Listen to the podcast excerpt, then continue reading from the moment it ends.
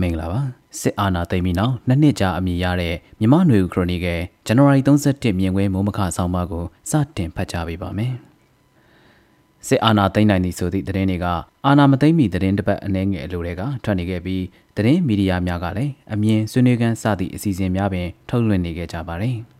အချို့ကလည်း2008အခြေခံဥပဒေကိုပြဋ္ဌာန်းထားကြတဲ့ကစစ်တပ်ကအသာစီးယူထားပြီးဖြစ်၍အာဏာသိမ်းစရာမလိုအောင်လွှတ်တော်တွင်25ရာခိုင်နှုန်းအစိုးရအဖွဲ့တွင်အရေးပါသည့်ဝင်ကြီးဌာန၃ခုကိုချုပ်ကင်ထားပြီးဖြစ်၍အာဏာသိမ်းစရာမလိုဟုကောက်ချက်ချကအာနာမသိမ်းနိုင်ဆိုသည့်ဘက်ကရက်ခံရင်းခုန်ကြသလိုအချို့ကလည်းအခုလိုပြည်ထောင်စုရွေးကောက်ပွဲကော်မရှင်ကိုအပြစ်ရှာကထုတ်ပြန်ချက်ပေါင်းဒါဇင်နှစ်ချီထုတ်ကထုတ်ပြန်နေခြင်းသည်အာနာသိမ်းရန်အတွက်အကြောင်းပြလန်ခင်းနေခြင်းဖြစ်ကြောင်းခန့်မှန်းကောက်ချက်ချကြပါတယ်။ ကျွန်တော်အနေနဲ့ကတော့စစ်အာဏာသိမ်းနိုင်သည်ဆိုသည့်အယူဆဘက်ကိုပိုဖြစ်နိုင်သည်ဟုယူဆမိခဲ့ပါတယ်။2018ခုနှစ်ခန့်ကဆွေးနွေးပွဲတစ်ခုတွင်လွတ်တော်ကိုယ်စားလှယ်ဟောင်းတဦးနှင့်စကားလက်ဆောင်ကြသည့်အခါ၎င်းကလာမည့်2020ရွေးကောက်ပွဲတွင် NLD အပြတ်အသတ်နိုင်ခဲ့မည်ဆိုလျှင်တက်ကလက်ပိုက်ကြည့်နေပါမလားဆိုသည့်စိုးရိမ်မှုတစ်ခုကိုတွေးမိသည်ဟုပြောဆိုပူပါတယ်။မှန်ပါတယ်2010မှ2015အထိစစ်ဗိုလ်ချုပ်ဟောင်းတွေဦးဆောင်ကြသည့်ကြံ့ခိုင်ရေးပါတီအမည်ဖြင့် 9နှစ်တာကို၎င်းတို့ပုံဖော်ခြင်းသည့်ပုံသဏ္ဍာန်ဖြင့်ပုံဖော်ခဲ့ကြပါတယ်။2015ခုနှစ်တွင် NLD ဘက်ကအပြတ်သက်အနိုင်ရခဲ့သည်ကို9နှစ်တာအလှည့်ပေးခဲ့ပြီးနောက်ရင်း9နှစ်တာကာလတွင်တက်ရဲ့နိုင်ငံရေးအာဏာစီးပွားရေးလုပ်ပိုင်ခွင့်ဘလောက်ကိုထိန်းချုပ်ကန့်သတ်ခဲ့လဲနောက်ထပ်လာမယ့်9နှစ်မှာကြန့်ခိုင်ရေးရွေးကောက်ပွဲရှုံးခဲ့ရင်တက်ကဒီအတိုင်းလက်ပိုက်ကြည့်နေမယ်မထင်ဘူးဆိုသည့်စိုးရိမ်မှုဖြစ်ပါတယ်။ အဲ့ဒီချိန်ကာလတွေကအဆိုပါယူဆကိုထည့်သွင်းစဉ်းစားရမည့်ဖြစ်နိုင်ခြေတစ်ခုအဖြစ်စိတ်ထဲမှတ်သားထားမိပြီး2020နိုဝင်ဘာရွေးကောက်ပွဲအပြီးတက်ကခင်းကျင်းလာသည့်မဲစင်းရင်ကိစ္စထုတ်ပြန်ချက်တွင်သတင်းစာရှင်းလင်းပွဲတွေကိုကြားသိလာရသည့်အခါမှာတော့စစ်အာဏာသိမ်းမှုသည်ဖြစ်နိုင်ခြေရှိသည့်အခြေအနေဟုယူဆခဲ့ခြင်းဖြစ်ပါတယ်။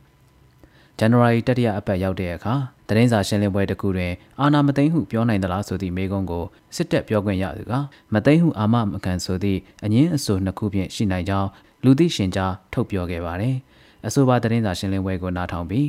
အာနာသိမ့်မှုကဖြစ်လာဖို့80ရာခိုင်နှုန်းလောက်တေချာနေပြီဆိုတာမှတ်ယူထားပြီးလွတ်တော်ခေါ်ယူမိနေမတိုင်ခင်အာနာသိမ့်မှုကိုရှောင်လွှဲနိုင်မိအခွင့်အလမ်းက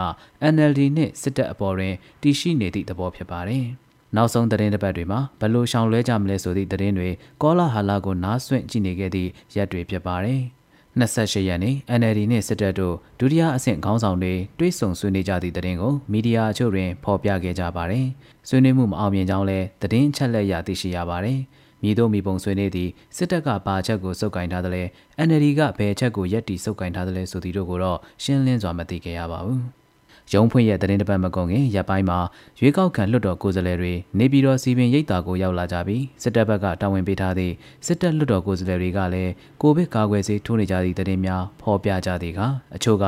စစ်တပ်လွှတ်တော်တက်ဖို့ပြင်နေပြီဆိုသည့်ယူဆချက်ဖြင့်အာဏာသိမ်းနိုင်ခြင်းမရှိတော့သည့်သဘောမျိုးကောက်ချက်ချကြပါတယ်စစ်အာဏာသိမ်းနိုင်ခြင်းပြက်ပြဲသွားသည့်သဘောမျိုးဆိုရှယ်မီဒီယာများတွင်ရေးသားကြသည်ကိုလည်းတတိပြုမိပါတယ်။ တောက်ကြနေညနေတွင် NLD လွှတ်တော်ကိုယ်စားလှယ်ချိုး၏ဖေဖော်စာမျက်နှာတွင်ဖေဖော်ဝါရီလ၁ရက်နေ့လွှတ်တော်အစီအစဉ်ရရှိကြောင်းဓာတ်ပုံရိုက်တင်ထားကြပါသည်။ထိုလွှတ်တော်အစီအစဉ်ထွက်ရှိလာခြင်းကစစ်တပ်ခေါင်းဆောင်နှင့် NLD ခေါင်းဆောင်တို့နောက်ဆုံးအကြိမ်တွေ့ဆုံရန်ချိန်ဆမှုကိုပြက်ပြက်စေရန်နောက်ဆုံးအဆုံးသတ်လိုက်သည့်ဖြစ်ပျက်တစ်ခုဖြစ်ကြောင်းနောက်လအတန်ကြာမှထိုစဉ်ကအရင်ဖြစ်စဉ်ကိုကိုယ်တိုင်ကြားသိခဲ့ရသူအချို့၏ပြောဆိုချက်အရသိရှိခဲ့ရပါသည်။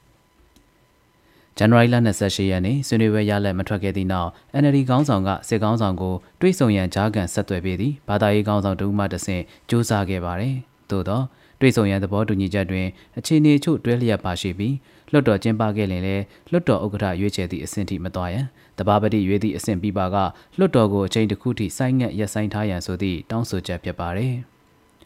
ရင်းချက်ကို NLD ဘက်ကသဘောတူညီခဲ့ပြီးနောက်သတင်းတစ်ပတ်မကုန်ခင်နောက်ဆုံးရက်တွင်လွှတ်တော်စည်းဝေးအစီအစဉ်ထွက်ရှိလာရာရင်းအစီအစဉ်တွင်လွှတ်တော်ဥက္ကဋ္ဌကိုရွေးချယ်ရန်ဆိုသည့်အစီအစဉ်ပါရှိလာခဲ့ရာမှရင်းတို့အစီအစဉ်ဖြန့်ဝေခြင်းသည် NLD ကဂရီကိုချိုးဖောက်ခြင်းဖြစ်သည်ဟုတပ်ဖက်ကဆိုကသတင်းတစ်ပတ်အကုန်တွင်တွေ့ဆုံမိအစီအစဉ်ကိုဖျက်သိမ်းခဲ့သည်ဟုဆိုပါသည်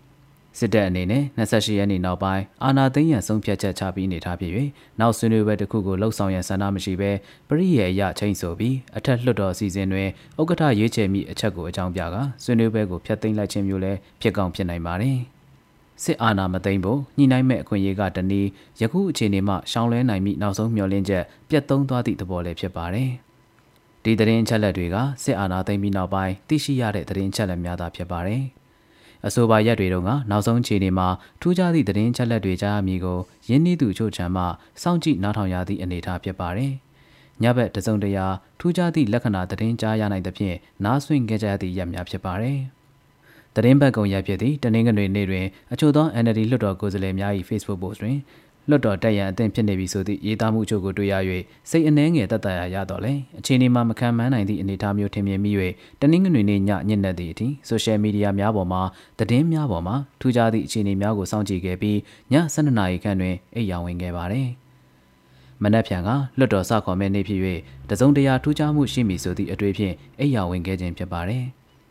ဖုန်းကိုခေါင်းအောက်တွင်ထည့်ထားပြီးညလေကြော်ပြီးမနက်အာရုံမတက်သေးခင်တရင်နိုးလာသည့်အချိန်တွင်ခေါင်းအောက်ကဖုန်းကိုယူ၍ဖွင့်ပြီး Facebook ကိုဖွင့်ကြည့်လိုက်သည့်အခါနယ်မြို့တစ်မြို့မှ NLD မြို့နယ်ဥက္ကဋ္ဌတဦးကိုစစ်ကားဖြင့်လာရောက်ခေါ်ဆောင်သွားသည်ကို၎င်း၏သားဖြစ်သူကတင်ထားသည်ကိုတွေ့ရှိလိုက်ရပါတယ်။ဒါဆိုလျင်တော့အာနာသိမ့်ပြီဟုထင်တယ်ဟုရုတ်တရက်အိတ်နေရမှထကကွန်ပျူတာကိုတောက်ဖွင့်ကြည့်မိပါတော့တယ်။အွန်လိုင်းပေါ်မှာရှိနေသည့်မိတ်ဆွေချို့ အချိန်မတိုင်သေးသည့်ဥရောပနိုင်ငံချို့မှမြန်မာတချို့သည်လည်းလိုင်းပေါ်မှာရှိနေသေးသဖြင့်သူတို့နှင့်သတင်းဖလှယ်ရာတွင်အခြားသောမြို့နယ်တွေမှာလည်းပြည်내အစိုးရအဖွဲ့ဝင်တချို့ထိမ့်သိမ်းခံရပြီဆိုသည်ကိုသိလိုက်ရသဖြင့်စစ်အာဏာသိမ်းသည်မှာတေချာသွားပြီဖြစ်ပါတယ်။မနက်3နာရီခွဲဝန်းကျင်မှာအွန်လိုင်းပေါ်တွင် update ဖြင့်တက်လာသည့်အာဏာသိမ်းသည့်ဖြစ်စဉ်ကြောင့်ထိမ့်သိမ်းမှု post တွေကိုစောင့်ကြည့်ရင်းလိုင်းပေါ်ရောက်နေသည့်အသည့်မိတ်ဆွေများနဲ့သတင်းဖလှယ်ရင်းနနက်9နာရီမတိုးတတိုးရောက်ရှိသွားပါတယ်။ စစ်တပ်အာဏာသိမ်းလိုက်ပြီးဘာတွေဖြစ်လာနိုင်တယ်လဲမြို့ထဲမှာဘလို့မြင်ကွင်းတွေတွေ့ရမလဲစသဖြင့်သိကျင်စိတ်များဖြစ်လာခဲ့ပါတယ်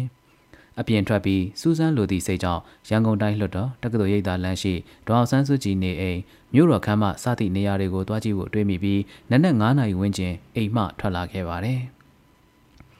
ဝင်းကြီးချုပ်နေသည့်ဝင်းနှင့်တဆက်တဆက်ထဲတွင်ရန်ကုန်တိုင်းလွှတ်တော်ရှိပြည်လမ်းမပေါ်တွင်လုံခြုံရေးချထားသည့်အရေးအယံမတွေ့ရသလိုတက္ကသိုလ်ရိပ်သာလမ်းမပေါ်မှဒေါ်ဆန်းစုကြည်နေအိမ်ရှိတွင်လည်းထူးခြားသည့်လုံခြုံရေးချထားသည်ကိုမတွေ့ရှိရပါဘူး။စုလေအနီးကမြို့ရခမ်းမရှိတွင်လည်းထူးခြားသည့်လုံခြုံရေးချထားသည်ကိုမတွေ့ရရန်ကုန်မြို့နေသူတွေအများစုကတော့စစ်အာဏာသိမ်းသည်ကိုမသိကြသေးသလိုစစ်ကောင်စီကလည်းစစ်ကားတွေအရင်ရက်ပိုင်းကအင်အားပြထားသည့်တင်ကားတွေမြို့ထဲသွာလာနေခဲ့တာမျိုးမတွေ့ကြရပါဘူး။